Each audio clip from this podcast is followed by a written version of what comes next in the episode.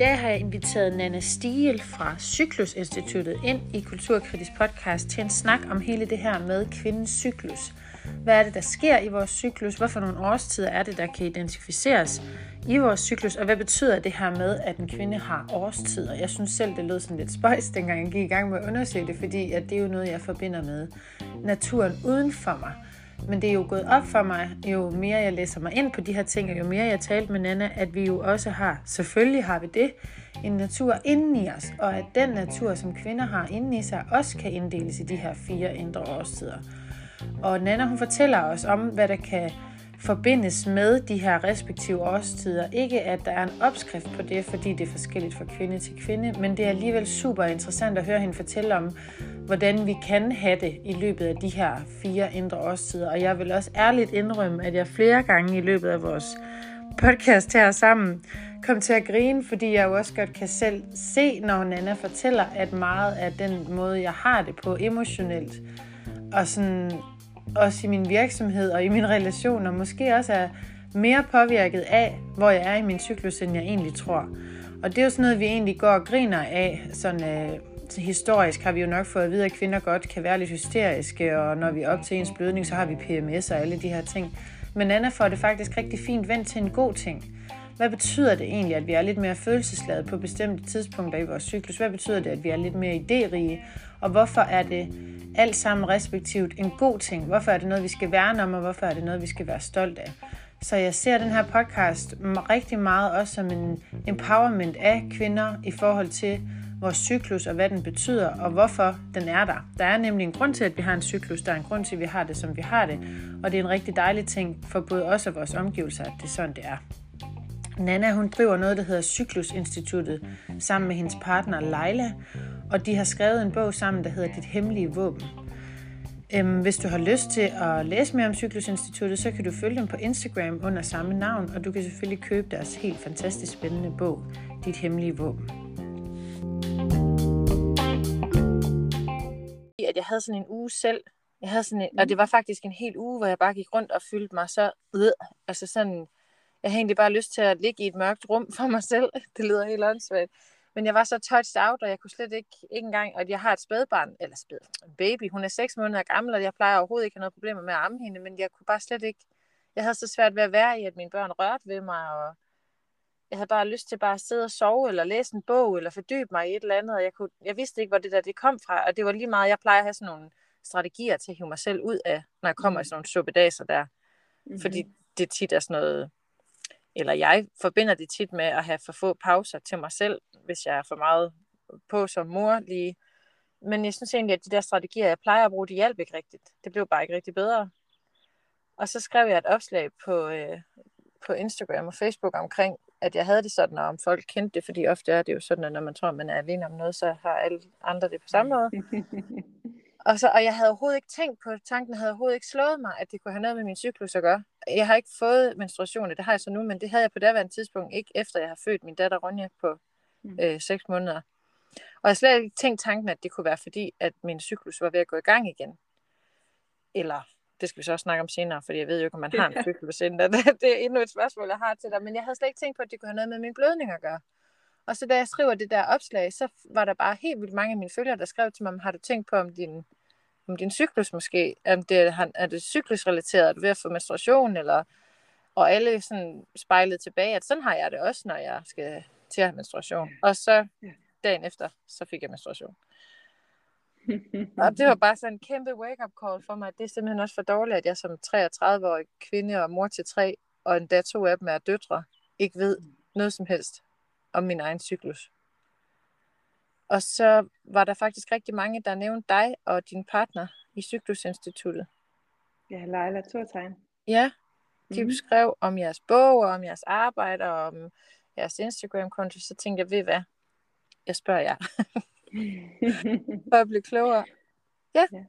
Så det er derfor, at vi er her, men jeg tænker egentlig, det var baggrunden for, hvorfor jeg har spurgt dig. Men vil du ikke fortælle mig og dem, der kommer til at lytte til det, lidt om, hvem du er, og hvem Leila er, og hvad Cyklusinstituttet er, og så for, selvfølgelig også om jeres bog? Det kan du tro.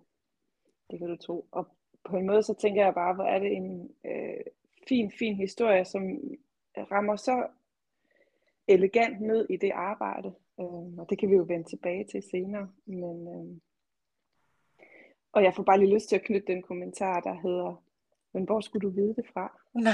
Der er ikke rigtig nogen, der har lært os noget af det her. Det er faktisk det, som vi rigtig tit støder på, er at, jamen, hvorfor er der ikke nogen, der har fortalt mig det her før? Ja, det er så rigtigt. Langt de fleste af os kan godt mærke, at der er noget der med den cyklus. Mm. Men, men vi har ikke rigtig et sprog for det. Og det er noget af det, som øh, vi har forsøgt at, at, at skabe med den her bog, øh, Dit hemmelige våben, Guide til den kvindelige cyklus. Netop et sprog for de her, mm, det der sker i løbet af en menstruationscyklus, altså hele cyklus. Mm. Og prøve at give det nogle ord, så vi bedre kan forstå og forholde os til de cykliske svingninger. Mm. Så, men det skal vi jo tale rigtig meget om i øh, lige et par ord om mig. jeg hedder Nana Evald Stigel, og jeg er kant mag, og så er jeg ernæringsterapeut og cyklusvejleder, blandt andet. det var også noget. Øh, ja.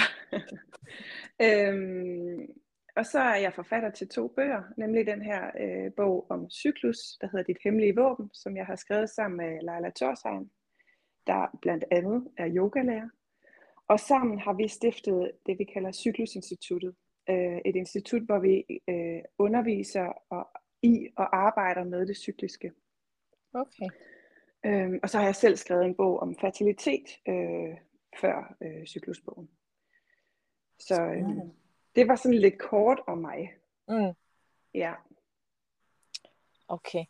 Mm. Vil du ikke prøve at fortælle, fordi jeg kunne godt tænke mig at skabe sådan en overordnet forståelse af, efter jeg nu havde den der åbenbaring med Gud, det er jo faktisk fordi, at jeg er et cyklisk væsen. Det vidste jeg jo godt sådan teoretisk, at jeg er. Ja. Yeah. Yeah men at det sådan lige sådan helt konkret manifesterede sig i mit liv, og at andre kunne spejle tilbage til mig. Det her det er jo det, der foregår i dit liv, men at jeg ikke selv kunne se det. Ja. Øh, det gør, at jeg kunne godt tænke mig at få sådan en ramme på, hvad er det for nogle, du kalder dem de fire indre årstider. Nu har jeg prøvet at nørde det lidt, for at blive klogere. Ja. Men ja. vil du ikke prøve at tage os igennem sådan, en, altså selvfølgelig ved jeg godt, det måske, at der er meget at sige om hver især, men sådan en ja. overordnet forståelse af, hvad er det her med de fire indre årstider? Altså de fire indre årstider er en øh, måde at forstå de øh, iboende faser, der er i løbet af en menstruationscyklus. Og ligesom vi respekterer naturens årstider, altså at vi ved, at der er forskel på, hvordan et æbletræ har det, når det er forår og blomsterne spiger, eller hvad hedder det, blomster, øh, og sommer, hvor der er små æbler på vej, og så videre, så, og at, at æbletræet står med store frugter der øh, i efteråret, som vi kan høste. Mm. Og faktisk har en pause i, øh, i, i naturens vinter.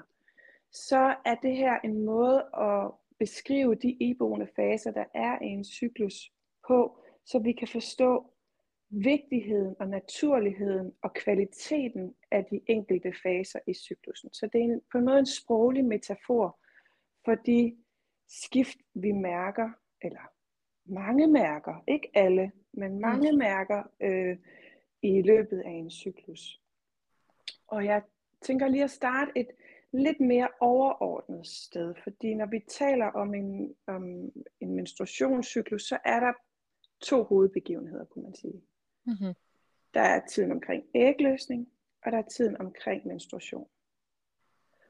Og de fleste kvinder kan godt mærke, at de har det forskelligt på de to tidspunkter i cyklusen. Det ved jeg ikke, om mhm. du kan også.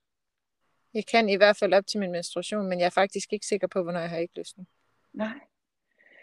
Øhm, og sådan er der også for rigtig mange. Øhm, mm. Men man kan sige, det er ligesom de to hovedbegivenheder i hvert fald.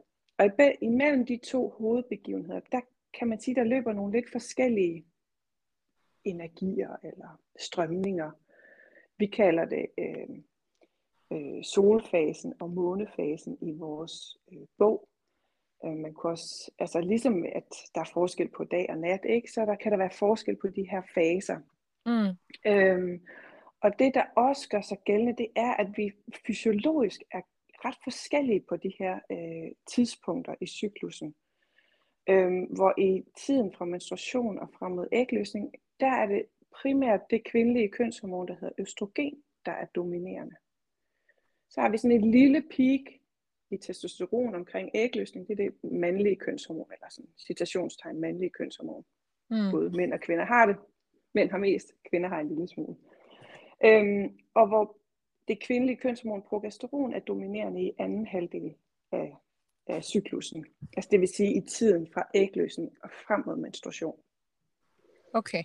Og østrogen og progesteron påvirker ikke bare, hvad kan man sige, livmorslimhinden og har betydning for modningen af ægget og sådan. Det har faktisk også øh, betydning for øh, signalstoffer i nervesystemet, blandt andet. Så det, det er ikke sådan bare øh, hævet ud af den blå luft, at vi kan have det forskelligt. Der er faktisk også altså, hormonelt set nogle, nogle ret forskellige betingelser på forskellige tidspunkter af cyklusen. Så det var bare lige for at få nogle sådan lidt mere overordnede ord på, på det. Ikke? Mm-hmm. Øhm, og så er det ja, at vi, vi, øh, vi skitserer øh, de her indre årstider, øh, som, som på en måde beskriver de her øh, øh, skift, der kan være i cyklusen. Og de er ikke sådan, øh, det er ikke sådan, at det så er slavisk på en bestemt dag i cyklusen, at vi går fra for eksempel indre forår til indre sommer. Det kan være forskelligt fra den enkelte, altså fra kvinde til kvinde. Så, så øhm, men, men grundlæggende kan man sige, at indre forår er tiden efter blødning og frem mod ægløsning. Så okay. kalder vi tiden omkring ægløsning for indre sommer, og tiden efter ægløsning og frem mod menstruation indre efterår, og tiden under blødningen for indre vinter. Så det er sådan den helt over, overordnede skitse. Ja. Mm. Og så er der øhm, noget, undskyld. Nogle, ja, nogle kvaliteter, kunne man sige, der, der knytter sig til de enkelte faser. Yes. Det var det, mm. jeg mhm. skulle til at fiske efter. Yes. så, og det er jo det, vi har skrevet en hel masse sider om i vores bog. Så det, det jeg siger øh, her, ikke, det bliver sådan lidt mere nogle overskrifter. Mm. Mm. Og måske har jeg lyst til at starte med at sige, at de overskrifter, jeg hæfter på, det er nogle, sådan, hvad kan man sige,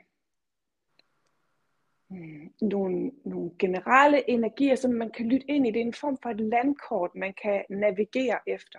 Uh-huh. Men det vigtige er i virkeligheden den enkelte kvindes oplevelse af det her. Så selvom jeg siger noget om den enkelte fase, så kan det være, at det føles fuldstændig anderledes for dig, for eksempel, eller for din veninde. Ja. Så, så det er på en måde et landkort, man kan navigere efter. Ikke? Men, men, men vores invitation er i virkeligheden, at man går på opdagelse i, hvordan er det her for mig? Så det ikke bliver sådan en, at vi skal have det på en bestemt måde, på bestemte tidspunkter af cyklusen, eller vi skal gøre ting på en bestemt måde, afhængig af hvor vi er i cyklusen. For så kan det bare blive endnu et sådan lidt rigidt regelsæt for, hvordan vi skal leve vores liv. Ja. Og der er rigelige regler i den her verden. Så, så øh, hvad kan man sige, cyklusarbejde øh, skal ikke være endnu et af det.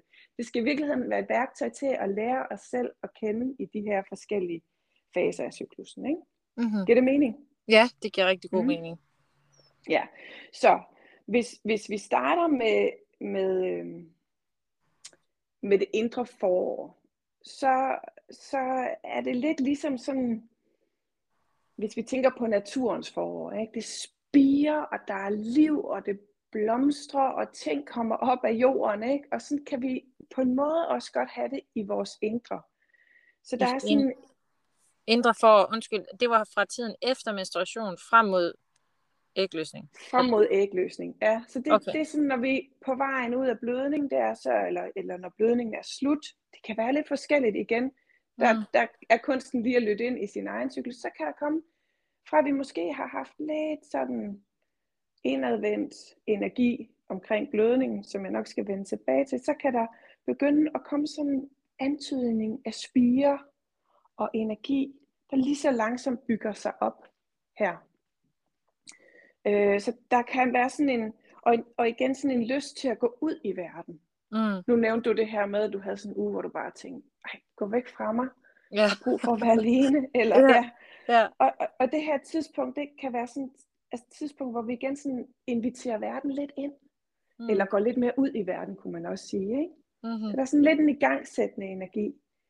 Øh, og, og mere lys på den ydre verden. Og det, mm-hmm. der er tit sådan en, hvad kan man sige, det kan være en energi, vi også kan sådan nære ved at eksperimentere og ved at lege og være nysgerrig og lade idéerne spire. Det er sådan ret god for mange fase til at brainstorme på projekter, eller få mm. idéer til sin virksomhed, eller med det arbejde, man har, eller hvordan håndterer jeg øh, de og de konflikter i familien, eller hvad det nu kan være. Hvordan laver jeg, nu ved jeg, du har en baby, ikke? Altså, hvordan, hvad skal der ske med det der øh, overgangsmad der. Og, altså, det kan være sådan, ja. det var bare fordi, jeg lige jeg kunne høre, det var ligesom den fase, du er, ikke? Altså, det, altså, ja. Du nailer ret godt, hvad der lige er sket for mig ja. siden blødning. At alle de ting, du har sagt, der, der har jeg fået 10, 10 idéer til virksomheden, og 10 forskellige opskrifter til babymos, og 10... Lige altså, præcis. Ja. Lige præcis. Og det der er lidt af kunsten i den her fase, fordi at typisk, som du siger, 10 forskellige idéer til virksomheden, 10 forskellige ja. idéer til babymosen, ikke? Ja. det er lidt at finde ud af, så hvad har jeg det store ja på?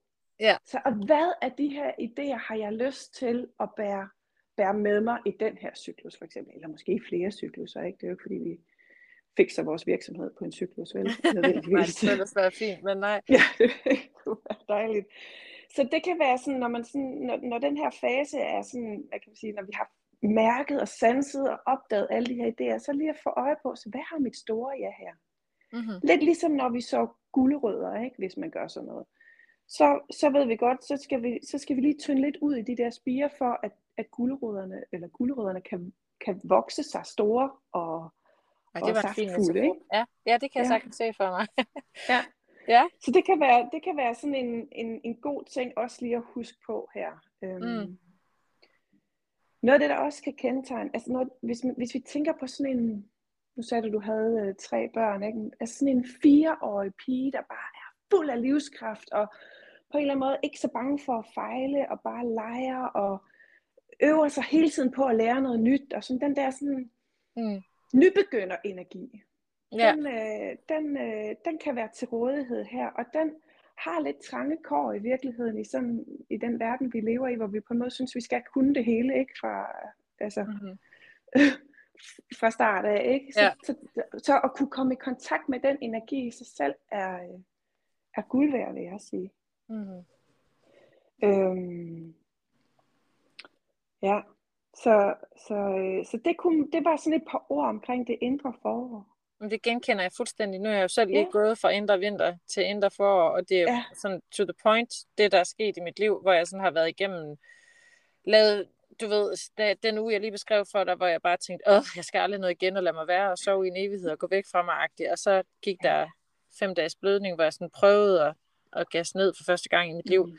fordi jeg læste mm. lidt om cyklus, og så gik jeg ind i det indre forår, og så har jeg bare lavet 500 aftaler, og nu er jeg så begyndt at luge lidt ud i de aftaler, og på gulerødder, fordi jeg tænkte, måske skal jeg prøve at sådan fokusere min energi i forhold til det, jeg sådan har, ja, ja. Altså, altså ordret det, du siger, at du ved, man får alt det her, ja. ej, jeg kan også bruge min energi på det og det og det, fordi at måske egentlig har været frustreret over at have været så indadvendt, og så er det bare dejligt, at, at det vender sig ud mærket, uh, der ja, kom uh, energien igen, ikke? Ja, ja. ja. og det er jo også typisk en fase, som rigtig mange godt kan lide altså når, når Leila og jeg underviser i det her, så oplever vi rigtig tit, at kvinder ligesom, uh, det her det er bare sådan, det er ligesom om mange siger sådan, at her er jeg mere mig selv, eller øh, jeg føler mig mere som energifuld, eller jeg kan mm. bedre lide den her version af mig selv. Så mange, mange kvinder kan bedre lide sig selv her. Men jeg tror og, også, at det handler om, undskyld, hvad siger du? Ja, og, og der kan man sige noget af det, som, som vi øh, som, som er vores intention i det her arbejde, det er at fremkalde øh, styrkerne og fordelene, også ved nogle af de andre faser, fordi der mm-hmm. er mhm. nemlig også nogle rigtig store fordele ved dem. Men vi ja. er bare ikke så vant til at hylde dem.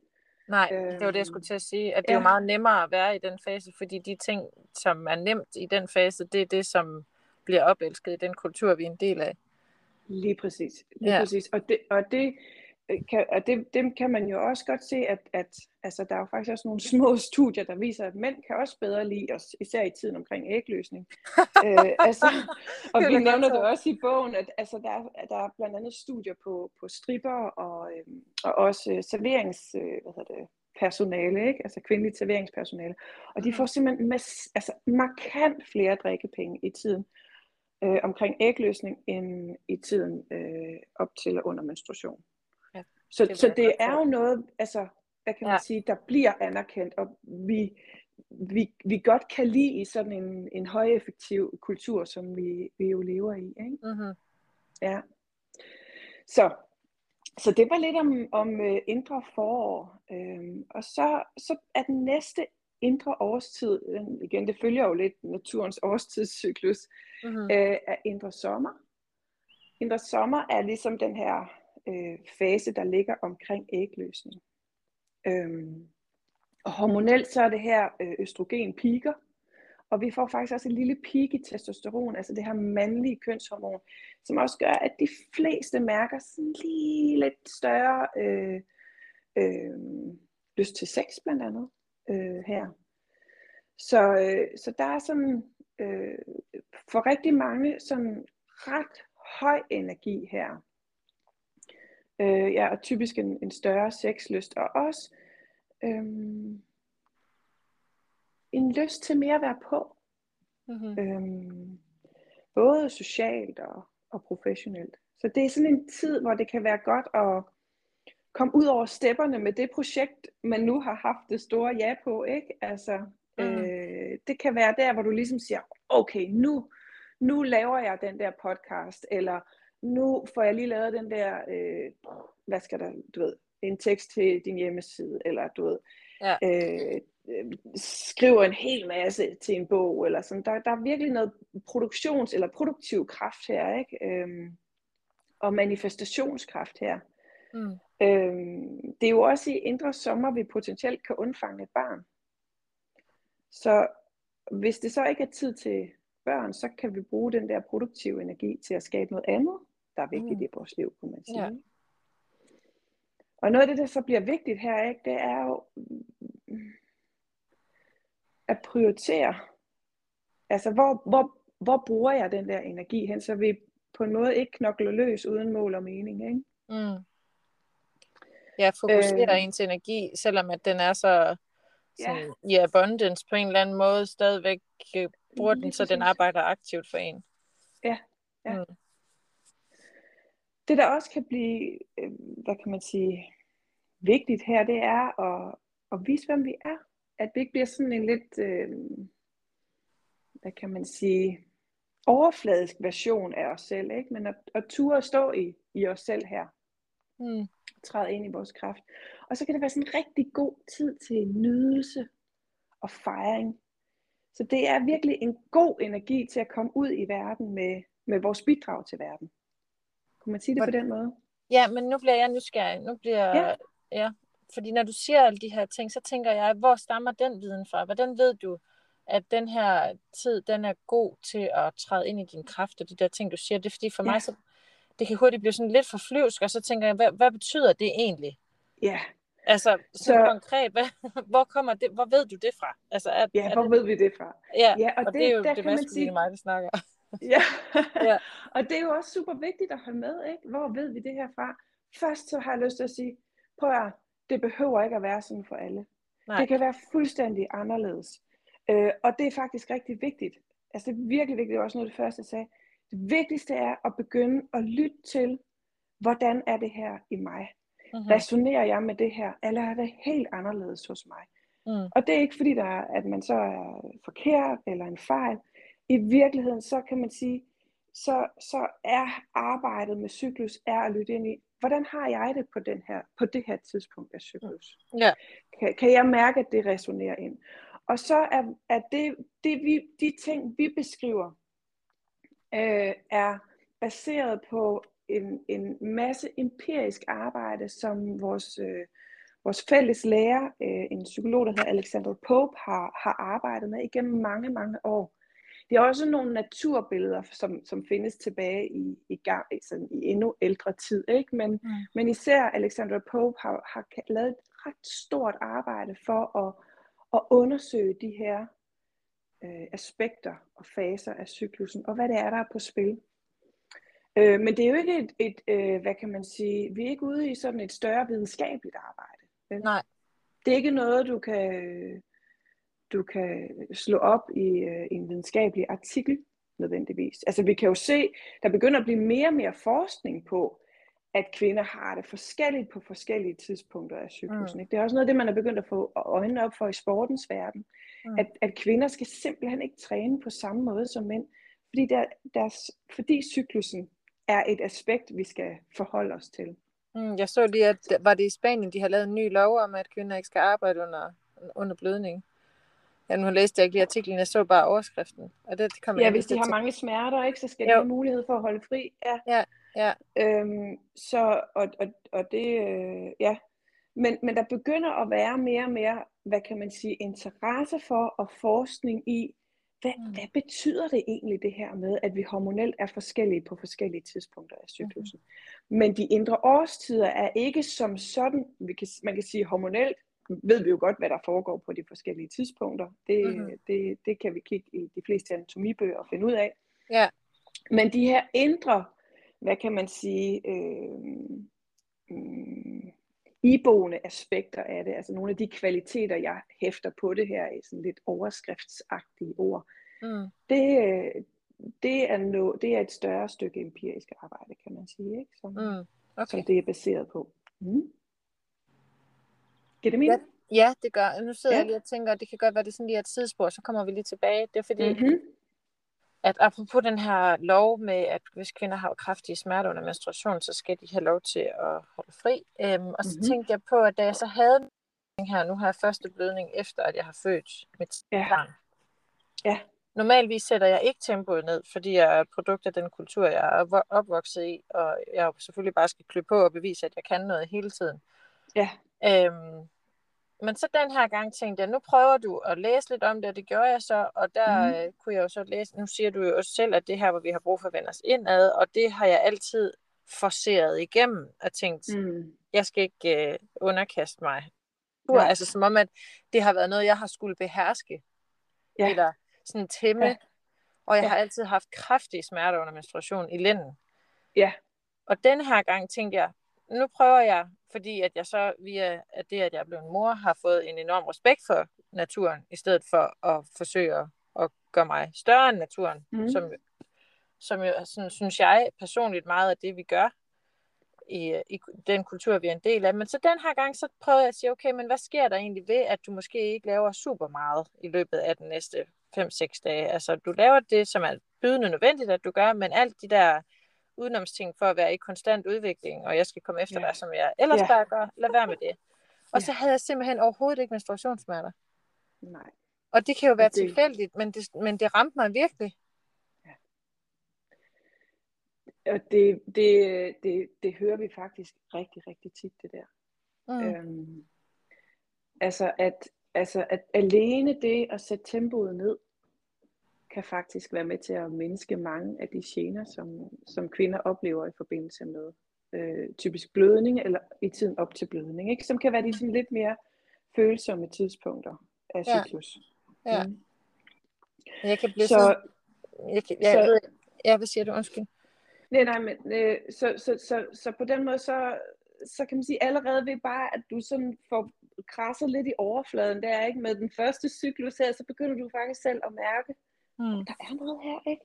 Ja. Vi har på, og det er jo ligesom, altså, hvad kan man sige, der er jo ingen mennesker, der kan holde til at køre øh, med 180 km i timen derudad, altså år ind og år ud og livet igennem. Vi har faktisk brug for pauser, vi har brug for tilbagetrækning. Mm. Øhm, vi har brug for at lade batterierne op en gang imellem. Og der kan man sige, der kan cyklusen være sådan en venlig påmindelse om, hov, husk lige pausen. Mm. Husk lige restitution. Husk lige at skrue lidt ned for tempoet en gang imellem. Men det er jo sådan en helt anden tilgang til menstruation end den, som jeg synes, man bliver præget af som ung kvinde, ung pige og kvinde, det der med, at det egentlig sådan er også den måde, vi snakker om det. Altså, mm. det, jeg kan huske, at da jeg var ung, der hed det, at man har sit lort, eller mm.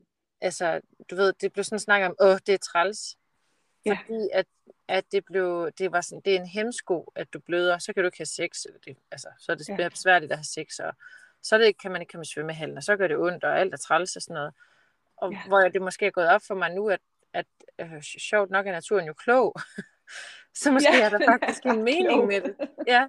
ja, lige præcis, lige præcis. Og det er jo igen tilbage til det der med, nu, nu nævnte du de der ord, mm, vi, vi voksede op med at bruge omkring det, ikke? Altså, mm. at, at igen, når vi ikke har et positivt sprog for det, der foregår, så er det faktisk også, kan det være svært at se det som noget positivt. Mm. Så når vi omtaler menstruation som et lort, eller som en hemsko, så bliver det svært at få øje på, oh, der er faktisk guld her. Ja. Der er faktisk virkelig noget her, jeg kan bruge til noget. Ikke? Mm. Ja. Øhm, så, så det igen, det også altså, har været en af vores intentioner med bogen, er at lave det her sprog på dansk for, hvad er det, der foregår, og hvordan kan vi se det som en styrke? Øhm, fordi der er, altså, det er jo tit det der med, når vi giver os selv pausen, eller hvilen, eller øhm, trækker os lige lidt tilbage fra projektet, at, at de geniale idéer, de lander, eller mm. energien til at få det ud i verden øh, opstår, ikke? Mm-hmm. Så, og man når lige at øh, tænke, Nå, nu er det slut, nu får du aldrig en original idé igen, og ja. nu gider du aldrig lave noget igen, og så lige pludselig så vender det jo. Og selvom jeg ved det, inderst inde, at det er jo en fase som alt andet i dit liv, så synes jeg altid, at jeg når lige at blive sådan, åh, det er sådan lidt frustrerende. Ja, og det at du begynder, eller det er i hvert fald min erfaring, det at du begynder at vide, ah, jeg er lige her i min cyklus. Mm-hmm. Så det der sker lige nu, det har på en måde en, en kvalitet, jeg kender. Mm. Og jeg ved godt, at lige her, der kan jeg godt have lyst til at skubbe verden væk, eller børnene væk, eller tænker, det bliver aldrig anderledes. Men jeg ved faktisk godt, at det, det kommer lige her. Og det mm. kommer med en information, som jeg kan kigge på. Mm. Og blive nysgerrig på, selvfølgelig. Det kan jeg sige lidt mere om, når vi snakker om indre efterår. Mm. Øhm, men lige om lidt er det anderledes. Så det har ja. også noget med, at cyklusen altså, også er en iboende reminder om, at livet er foranderligt. Mm-hmm. At det ikke er statisk, eller lineært, eller en vej fremad og opad. Ikke? Mm-hmm. Øh, og det er på en måde også det smukke ved cyklusen, synes jeg. Ja. At, at den minder os om, at, at, at livet er foranderligt. Mm. Vi, vi, vi ændres. Ja, og at de indadvendte perioder er nødvendige for, at vi ikke går til grunde, eller hvad skal man sige, også som art, at hvis vi accelererer så meget i de udadvendte perioder, at vi ikke kan finde ud af at stå stille og vende os indad, det er der jo ikke nogen, der kan overleve, hverken naturen eller mennesket. Nej, vi kan i hvert fald se på mængden af stresssygemeldinger, at, øh, at det faktisk er noget, som øh, vi nok øh, kunne have lidt mere glæde af, mm. langt de fleste af os. Ikke? Mm. Mm. Nå, men det var sommer. Ja, det var sommer. Så kommer vi til det indre efterår. Øh, og indre efterår er sådan, igen, det er jo ikke sådan, der er jo ikke sådan en bræt overgang nødvendigvis imellem øh, de indre årstider. Nogle mærker det sådan ret bræt, men for andre er det sådan, kan det øh, i virkeligheden være sådan lidt glidende overgang. Ikke? Mm. Øh, indre efterår er, er tiden efter ægløsningen, eller tiden der sådan kommer efter ægløsningen, og så frem mod menstruationen. Og måske en af de mest misforståede faser i cyklusen. Noget af det, som jeg synes er helt genialt ved det indre efterår, det er, at det er en mega god indre årstid for feedback. Mm-hmm. Altså her får vi virkelig, øh, altså får vi feedback fra vores krop på det liv, vi lever, ikke? Øhm, så det kan være altså, i fysisk form, at vi har øh, gener her, vi kan have hovedpiner, øh, urenheder, ondt øh, forskellige steder. Det kan også være humøret, der dykker, eller, eller øh, sådan, øh, forskellige øh, afarter af irritation, vrede, øh, depressivitet er der nogen, der mærker her, angst er der nogen, der mærker her. Så det er sådan en, en indre årstid, hvor, hvor, hvor det hele bliver lidt mere følsomt. Mm-hmm. På godt og på ondt, kan man sige. Fordi det kan selvfølgelig være vældig irriterende, men det kan også være en et lille vindue til at kigge ind på, hov, hvad er det egentlig, der rører sig i mit liv? lige nu. Mm. Øhm, og der tænker jeg med, som nu, nu nævnte du det her, altså tre børn, øh, og du bare fik det sådan, er der nogen, der gider gå væk fra mig? Jeg har faktisk lige brug for mit eget space. øhm, og, og igen, det, der er jo ikke noget galt med det overhovedet. Mm-hmm. Altså, måske meget naturligt at have det lige i et par dage, ikke? hvor man sådan, åh, jeg har faktisk lige brug for lidt mere space. og det er jo ikke altid, det kan lade sig gøre 100%. Vel, det kan det jo ikke, når man har små børn. Mm-hmm. Men bare sådan lige 1%, vi, vi, vi, vi har også noget, vi kalder 1%-reglen i vores bog. Mm. Kan, vi, kan vi gøre bare 1% af det, vi godt kunne tænke os her? Eller kan vi få 1% af det, vi godt kunne tænke os her? Mm. Men så kan det faktisk nogle gange være det, der gør, at vi ligesom kommer igennem det. Øh, nogenlunde helskinnet, ikke? Havde han sagt. Mm. Øhm, så, så, hvad kan man sige? Øh, det kan være rigtig fint at lytte til den der øh, visdom i det, der dukker op. Øh, hvis det er fysiske gener, så kan det være, øh, nu siger jeg sådan øh, lidt, lidt groft sagt, men altså et vink med en vognstang om, at det kan være, der er noget, jeg har brug for at justere på i den måde, jeg lever mit liv på. Det, mm. det kunne være, at jeg har brug for mere søvn. Det kan være, at jeg har brug for øh, at stresse ned. Altså, der er for meget tempo på i mit liv. Det kan være, at jeg har brug for øh, mere tid alene. Det kan være, at jeg har brug for at spise anderledes. Altså, at det, den mad, jeg spiser, måske får trigget mine hormoner på en, på en uhensigtsmæssig måde. Mm. Øh, så på den måde kan det være sådan en fysisk feedback-mekanisme.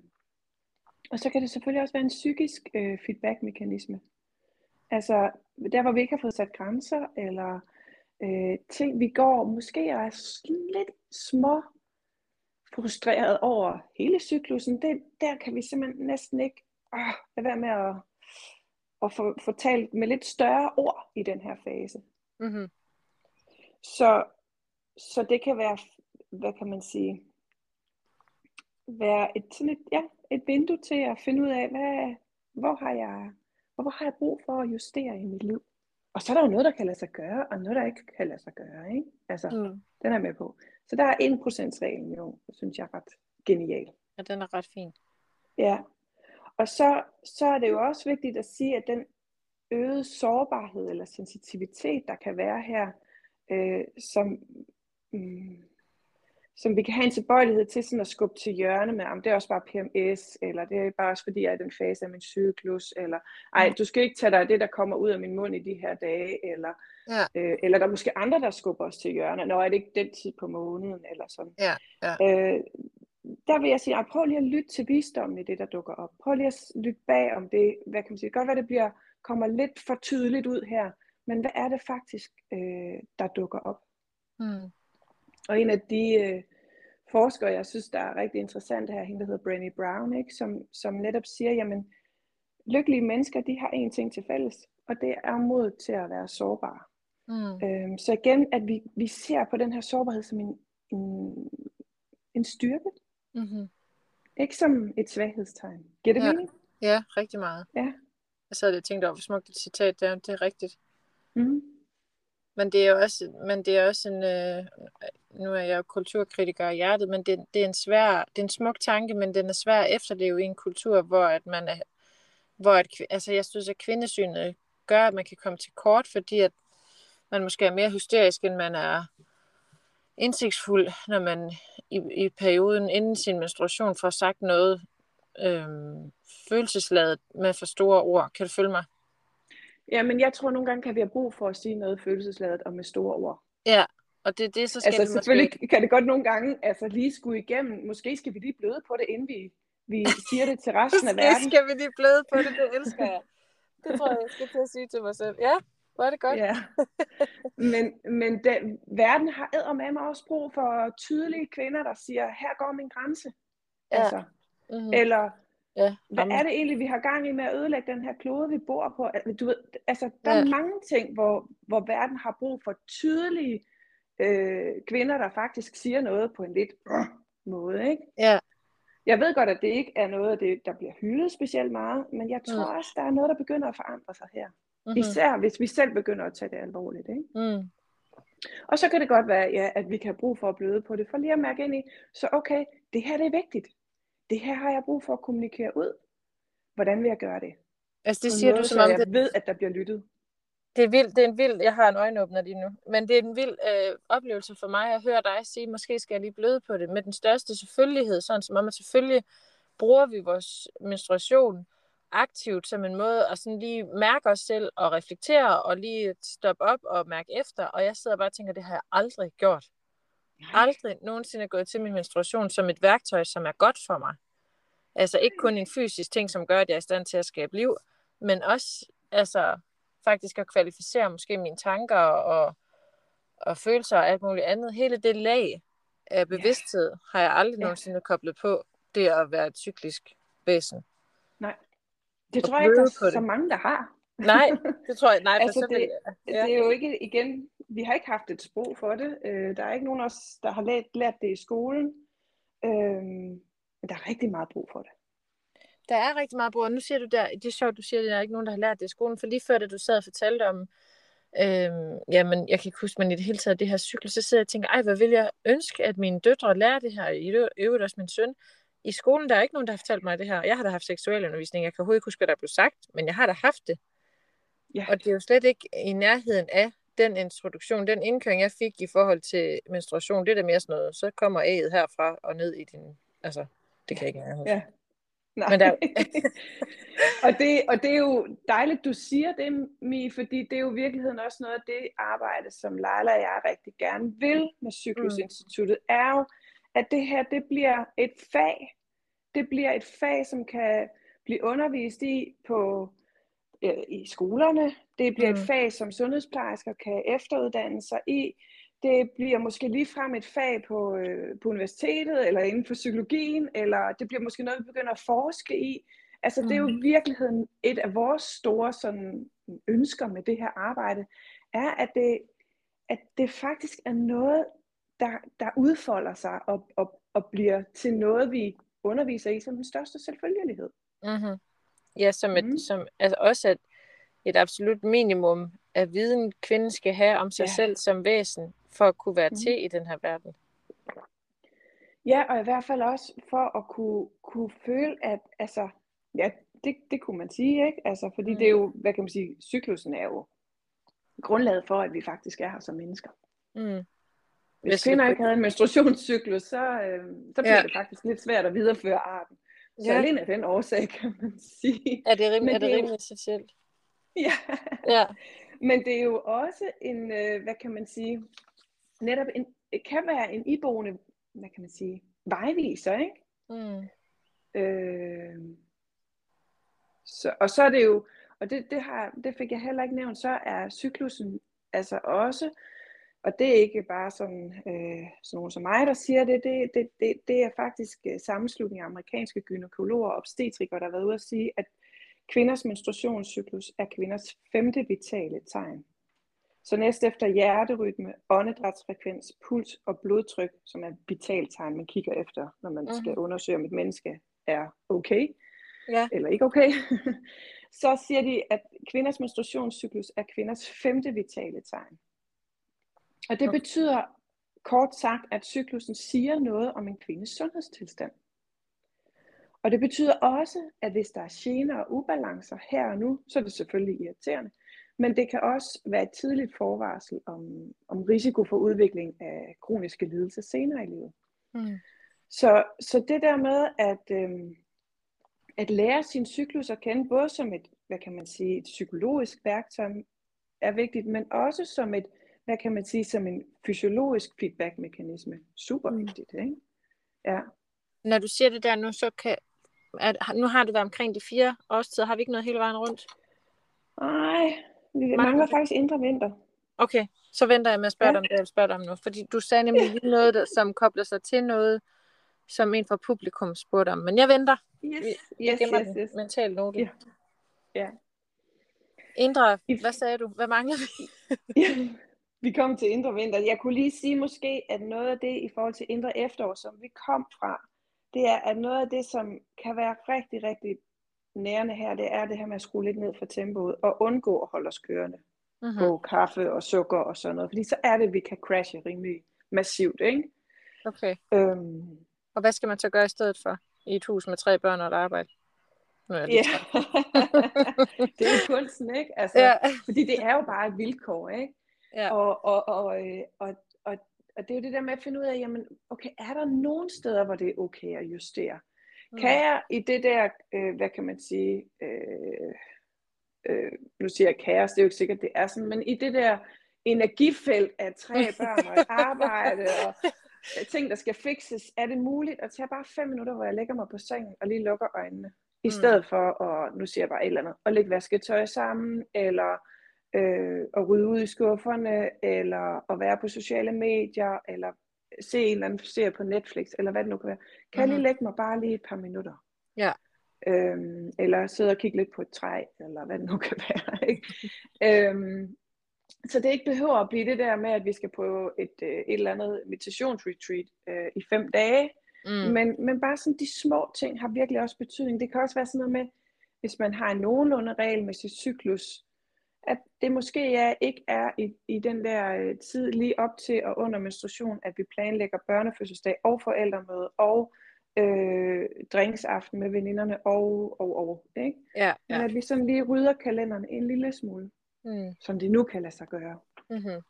Og så synes jeg også, det er vigtigt at sige, at vi kan det hele på alle tidspunkter altså, Ja. af cyklusen. Ikke også? Det er super vigtigt. Kvinder kan det hele på alle ja. tidspunkter af cyklusen. Langt, langt, langt de fleste kvinder. Mm. Så vi får bare noget forærende ved at lytte til de her Mm-hmm. indre årstider. Ikke? Ja. Der er lidt mere øh, medvind på den mentale cykelsti, kan man sige. Ikke? Ja, ja. Når, vi, når, vi, når vi sådan begynder at, at lytte til det her. Mm-hmm. Men, men indre vinter er selve menstruationen, og uden at jeg skal gå i for meget detaljer med det, så har vi faktisk i vores bog inddelt selve menstruationen i fem faser. Øh, også inspireret af Alexander Popes arbejde her. Ikke? Okay. Men, men øh, det er sådan en tid, hvor, hvor det kan være rigtig godt med små pauser. Øh, det er sådan en tid, hvor overgivelse og hvile kan være øh, nærende. Men, og hvor der er en masse, altså der kan også, som du også sagde det der med, jamen, lige pludselig havde jeg ikke så mange smerter under min blødning, som Mm. jeg plejer at have. Øh, og det, det, du måske også kan gå på opdagelse, det, det er det her med, hvis, hvis det lykkes, at, at lige at bare slippe foden en lille smule fra speederen her, har jeg så også mere energi i de andre faser af cyklusen. Det er i hvert fald min egen oplevelse, og det er også det, som, som, øh, som vi hører fra rigtig mange kvinder. Mm. Så det er på en måde altså en lidt begivenhedsløs affære, den her fase. Ikke? Altså lidt som et frø nede i jorden. Mm. Altså, der ligger den, der, og selvom vi ikke kan se, at spiren er kommet op endnu, så sker der en modning. Og den kan være rigtig god, øh, hvis der skal komme noget op af jorden sidenhen. Ikke? Så det er sådan en tid, hvor, hvor vi kan genoplade vores batterier lidt. Øh, og det kan nemlig være, også, og så kan det også være en tid, hvor vi, hvor vi lytter lidt ind til, så alt det, jeg havde så travlt med der i indre sommer, er, er, er, det, er det meningsfuldt? Er det det? Ja, Mm. er det det, der er mit bidrag til verden? Ikke? Hvad, mm. hvad dukker op her? Så, så sådan en, en, en rigtig god fase til at lytte lidt indad. Okay, Mm. det giver god mening. Ja. Og så er der så meget, øh, hvad kan man sige, øh, øh, så meget at hente her. Ikke? Det er lidt ligesom det her med, øh, hvis man sidder, det ved jeg ikke om du kender det der, men hvis man sidder og, og stiger sig sådan lidt blind på en opgave, og ikke rigtig kan få den færdig, ikke rigtig kan skrive en konklusion, eller Mm. hvis man skal, du ved, have det sidste, de sidste pointer færdige, et kapitel i en bog, kunne det være for mit vedkommende, eller sådan, hvor man ikke rigtig kommer videre. Så nogle gange, når vi slipper det hele, går en tur, eller lukker computeren ned, eller gør noget helt, helt andet, så kommer ideen lige pludselig. Mm. Øhm, og det er lidt det samme. Vi kan faktisk få noget forærende her ved bare at give slip. Mm. Øhm, så der kan komme sådan lidt mere, øhm, hvad kan man sige, øh, ja, intuitive idéer omkring, hvor, hvor er det, jeg skal, hvad er det, der skal ske her, eller hvad, hvad, hvordan afrunder jeg det her, eller Mm. øhm, hvordan skriver jeg det her færdigt. Nogle gange, når vi giver slip på det, så, så dukker der noget op, ikke? Og det er måske endda kunsten, som er allersværest i sådan en situation, hvor man egentlig har lyst til at forcere det, for at få det færdigt. Yes, yes, lige præcis, lige præcis. Ja. Mm. og sad og tænkte mm. på en på specifik situation, de selv har været igennem, dengang du sad og sagde det der, at jeg har forsøgt at skrive en klumme til, øh, ja, det er lige meget, jeg har forsøgt at skrive en klumme i rigtig lang tid. Ja. Og så tænkte jeg, det kan jeg simpelthen ikke. Og så lukkede jeg computeren, lod den ligge i en uge, og så åbnede jeg den i går, og så skrev jeg den. Ja, det er præcis. så det er jo, det er jo sådan et fint eksempel. ja, ja.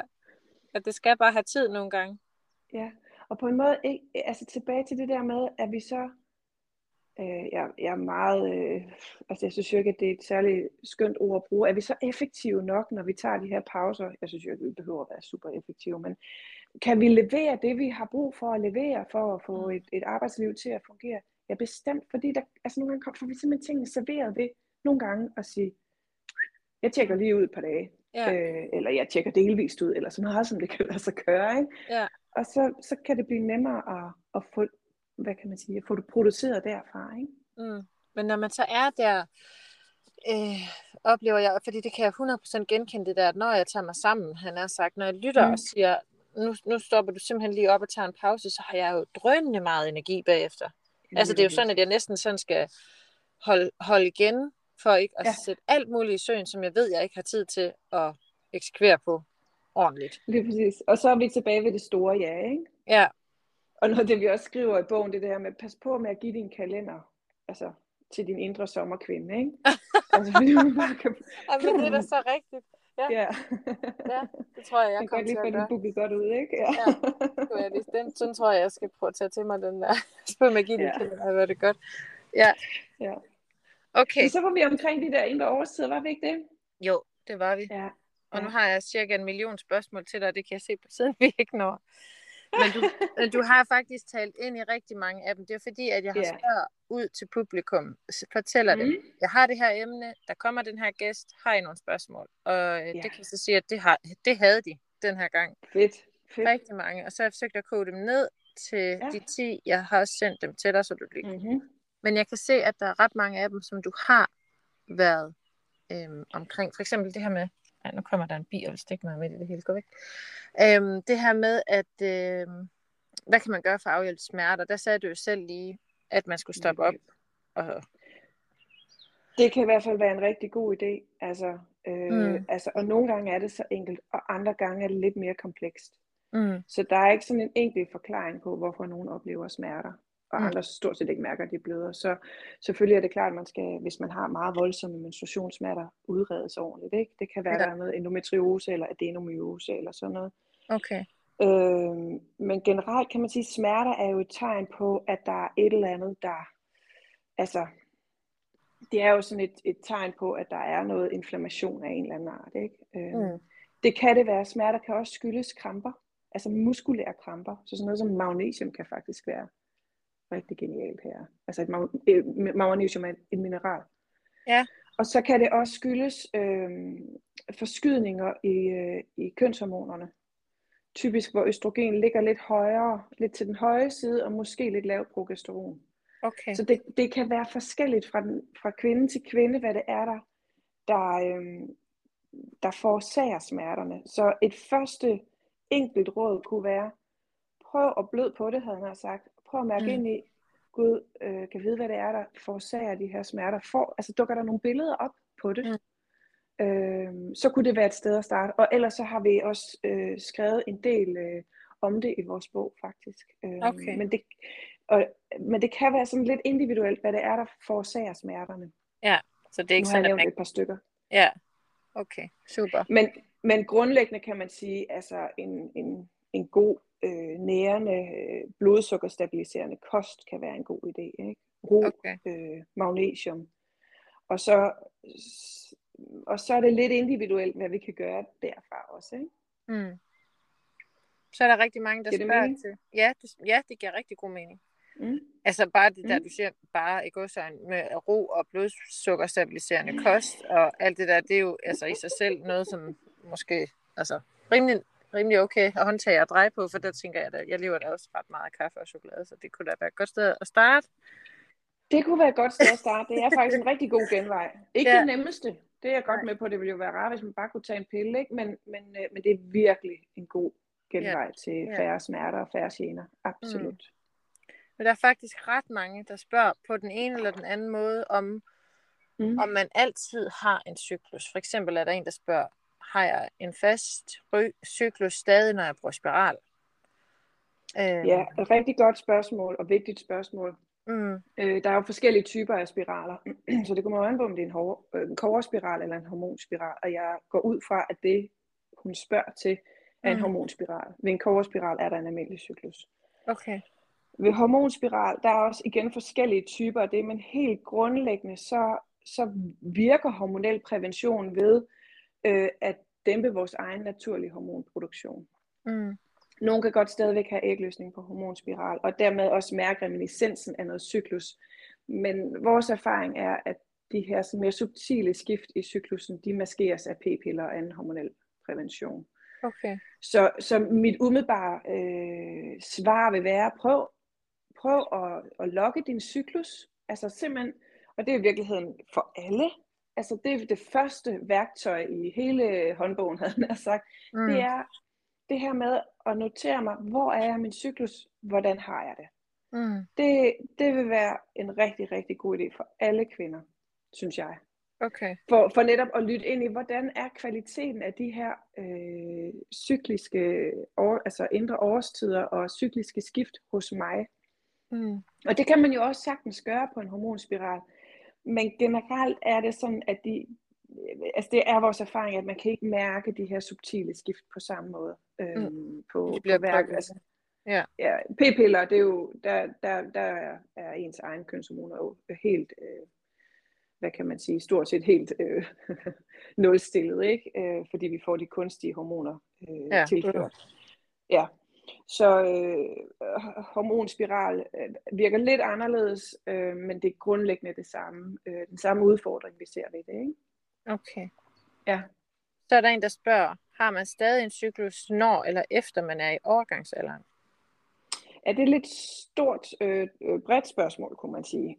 Mm. Først så har jeg lyst til at sige, at øh, altså det her med, og vi kalder det cyklusforståelse, det her med at begynde at arbejde med sin cyklus, det er ligesom et, et begreb, vi har udviklet. Øh, og det kan være, og det her med at lære de indre årstider blandt andet at kende, mm. kan være en kæmpe støtte i de her år i overgangsalderen. Øh, postmenopausal, altså det vil sige efter overgangsalderen, øh, vil du ikke have de samme hormonelle svingninger som i en cyklus.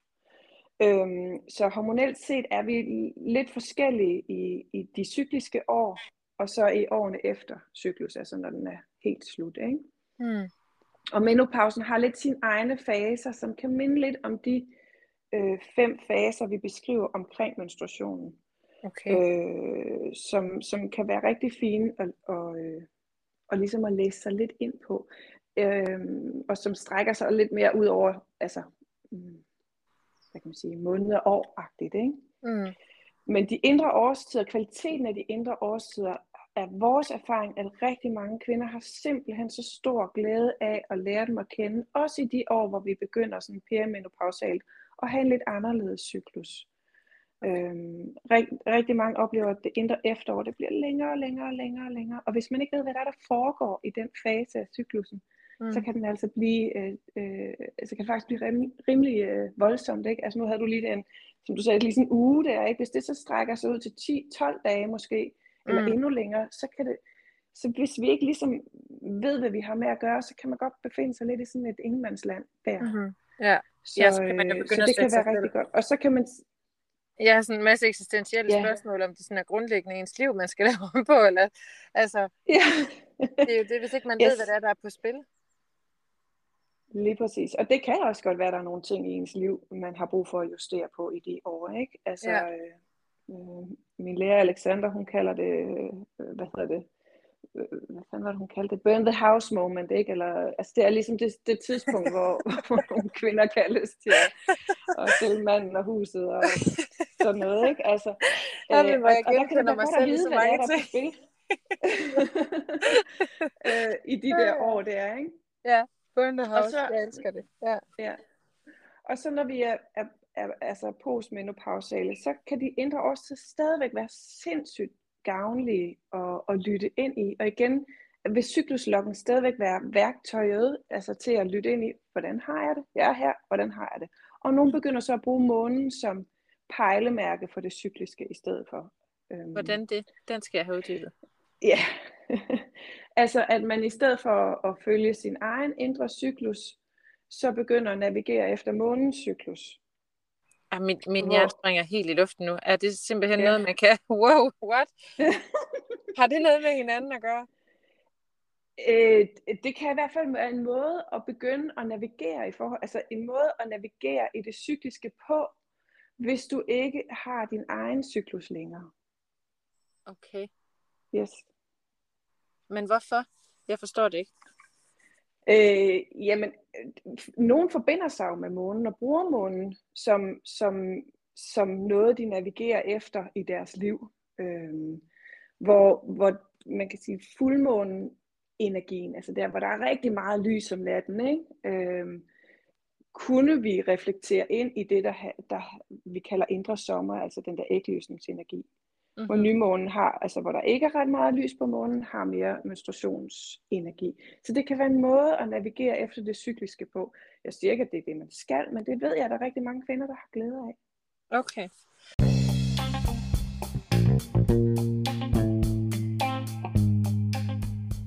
Lytter til Kulturkritisk podcast. Jeg hedder Mie Storm og er din vært her på podcasten, hvor vi snakker om alle de ting, vi ikke har lyst til at snakke om, men som vi bliver nødt til at snakke om, fordi de har en indvirkning på vores liv og vores trivsel og vores mentale sundhed. Til daglig der har jeg tre rollinger hjemme fuld tid, hvor jeg hjemme underviser den ene officielt. Vi lever et liv, som er uden skole og uden daginstitutioner, med mest mulig frihed og mest mulig leg og læring.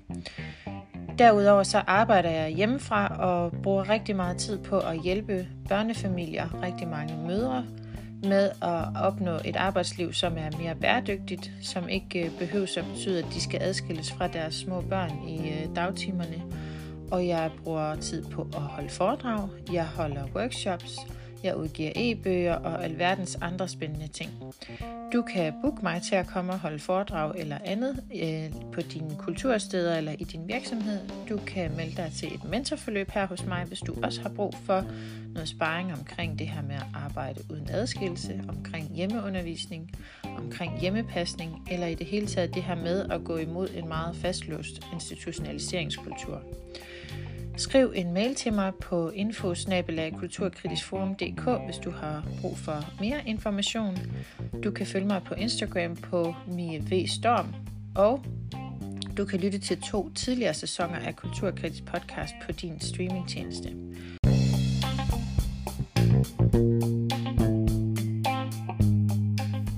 Nu er Nana og jeg i gang med en deep dive ned i de spørgsmål, som I publikum har stillet hende via mine sociale medier – jeg har allerede stillet hende et par af spørgsmålene, men der er altså lige et par gode, jeg lige vil nå at have med, inden at jeg bliver nødt til at runde episoden af sammen med Nana. Mm, så er der en, der spørger, um, hvordan lærer man sin cyklus bedre at kende? Det har du måske svaret på, men jeg kunne egentlig godt tænke mig, hvis du ville sætte sådan helt konkret ord på, hvis jeg ikke ved ja. noget som helst om min cyklus, hvordan yes. starter jeg så med at logge den? Hvor, når det starter jeg? Jamen, øh, du starter any day, any day, vil jeg sige. Ikke? Øh, mm. Men, men øh, det du kan gøre, det er, du kan bruge en app, du kan også bruge, vi har sådan et cykluslog, man kan downloade fra vores hjemmeside, der hedder cyklusinstituttet.dk, øh, som er sådan, du ved, nærmest er fire, du kan printe ud. Og så vil dag 1 være den første dag, hvor du har en reel blødning. Altså det vil sige, det er ikke pletblødning op til menstruation, men dag 1 er der, hvor der, hvor der kommer frisk blod. Okay. Så, så, og så tæller du bare derfra 1, 2, 3, ikke? Og så, så det du gør, det er i virkeligheden at sige, jeg er på den her dag i min cyklus. Hvordan har jeg det? Hvordan har jeg det fysisk? Hvordan har jeg det psykisk? Er der noget, der ligesom dukker op den her dag? Mm. Så det, det vil jeg sige, det er det første. Det er ligesom hoveddørsnøglen til at finde ud af, hvordan er det her for mig?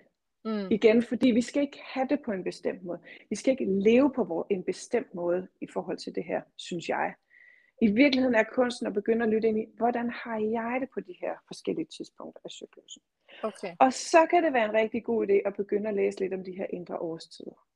Og begynde at, sådan, at få en fornemmelse af, kvaliteten i de indre årstider, og hvordan mærker jeg kvaliteten af de her indre årstider? Hvordan spejler det sig ind i mit liv? Mm-hmm. Øhm, og eventuelt, øh, og det vil jeg jo selvfølgelig anbefale, prøve at synkronisere med de indre årstider, se hvad der sker, se hvad der dukker op.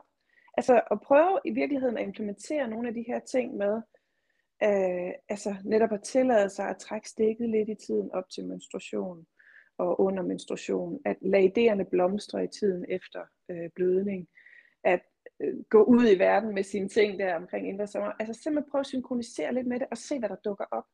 Igen okay. ikke fordi det skal være en opskrift på hvordan vi lever livet, men bare fordi det for rigtig mange oplever bare, at, at der er sgu lidt, lidt mere medvind på cykelstien, der er lidt mere flow i det hele, når jeg gør det. Okay. Øhm, og så kan vi begynde også at begynde, eller så kan vi begynde at, at, at bruge cyklusen som det her vitalitetsparameter, altså som fortæller os noget om, hvordan har vi det, øh, også øh, fysisk i kroppen, ikke? Altså så er der smerter, er der gener, er der tidspunkter, hvor energien er fuldstændig lav, altså, øh, hvor, vi, altså hvor vi nærmest er udmattet, ikke? Mm. Øh, så kan man begynde at måske at justere lidt på baggrund af det. Okay. Ej, det så var... det, kunne være, det kunne være en start, ikke? Mm. Men altså, i virkeligheden tænker jeg, at første, første skridt er at logge sin egen cyklus, og så begynde at lytte lidt ind i de her indre årstider. Mm-hmm. Øhm, jeg tror jeg se, også, hvad der dukker op. Allerede der tror jeg, der vil være rigtig mange aha-oplevelser for øh, den gennemsnitlige kvinde, fordi at det er noget, som rigtig mange slet ikke nogensinde har gjort, det arbejde. Altså med præcis, at sige... Præcis. Og så er det jo bare igen så vigtigt for mig at sige, den her grundregel, vi har om, at vi er unikke. Så mm. din oplevelse trumfer alt. Mm. Altså, rigtig mange kvinder har for eksempel super meget energi der i tiden op til øh, menstruation. Altså virkelig, jeg har sådan en, det er der, jeg skal redigere. Okay. Jeg er så effektiv. Jeg får ryddet alting, og lige før jeg også får øh, gjort hovedrent i huset og sådan noget. Der er, mange har rigtig meget energi der. Så mm. det er bare for at sige, det, det er ikke øh, sådan, at vi skal have det på en bestemt måde. Nej. Så, så vores egen oplevelse, den, den trumfer alt det, vi skriver i bogen. Ikke? Mm. Okay. Og taler om her. Ja. ja, det er en god ting. Så det tilbage til det der med landkortet, ikke? Øhm, mm. Ja. Okay, Nana, sidste spørgsmål, mm-hmm. så bliver vi nødt til at runde af, for mm-hmm. så bliver den her podcast ja. alt for lang. Ja, der er nemlig en, der spørger, hvad, hvordan kan man leve efter sin cyklus, når den er uregelmæssig? Og hvordan gør man det i et hjem, hvor flere menstruerer asynkront? Det er også et, det, det svarer du lige på. Ja, det er jo to forskellige spørgsmål, vil jeg sige. Ja, ja. Øh, så, så det her med at leve efter sin cyklus, når den er uregelmæssig, der tænker jeg, det er fuldstændig det samme. Log hvilken dag du er på, og skriv, altså begynd at undersøge, hvordan har jeg det på forskellige tidspunkter af cyklusen. Mm. Øh, og, og lær det der landkort at kende, og, og prøv at mærke ind i kvaliteterne af de indre årstider, og hvornår hvad gør sig gældende. Mm-hmm. Så det er princippet det samme, og så kunne man selvfølgelig, så kunne jeg godt, fordi det er noget, det jeg rigtig tit arbejder med, være nysgerrig på, og hvorfor er den uregelmæssig, ikke? Fordi det mm. kan jo, der, kan vi jo, der kunne jeg jo godt være nysgerrig på, er det lidt meget stress, er det lidt høj insulin, altså er det forskydninger i hormonerne og sådan. Altså, mm-hmm. Så det kunne jo, der kunne jeg jo altid have lyst til at, sådan at finde ud af, kunne vi få det lidt mere regelmæssigt, hvis det var muligt, ikke? Hvis nu at vedkommende, der har stillet det her spørgsmål, har lyst til at arbejde med det, kunne hun så ringe til jer for eksempel? Det kunne hun godt, ja. Mm-hmm. Det kunne hun godt. Og så kan man sige det her med, at øh, når man, altså så, så når den er uregelmæssig, det er i virkeligheden det samme. Mm-hmm.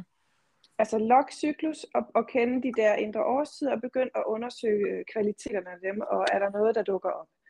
Så det var den ene del af det. Og den anden del var det her med, som du sagde, øh, hvordan gør man det i et hjem, hvor flere menstruerer asynkron?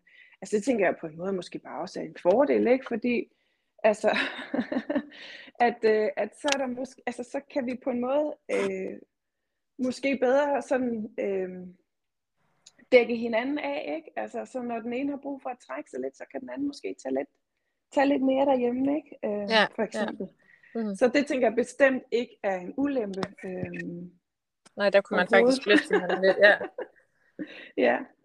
Og igen, altså det er jo nogle, nogle subtile, øh, altså subtil, eller for nogen, for langt de fleste, er det subtile ændringer.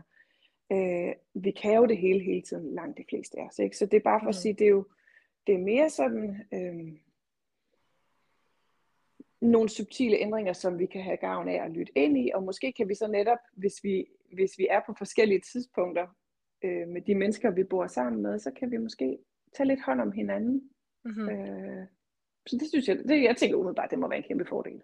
Ja, det kunne jeg egentlig godt følge dig ja. Allerede, allerede nu, nu har vi snakket sammen i en times tid, og jeg er meget, meget klogere nu, end da vi gik i gang.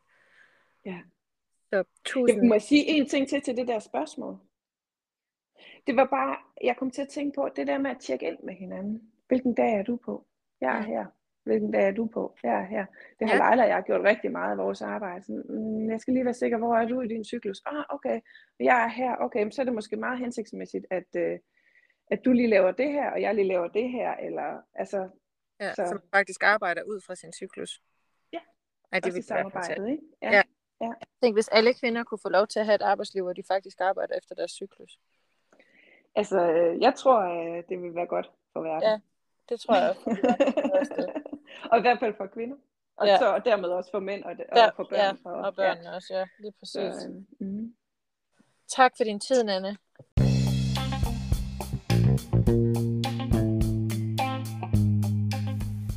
Tænk, hvis vi alle sammen kunne få lov til at arbejde ud for vores cyklus.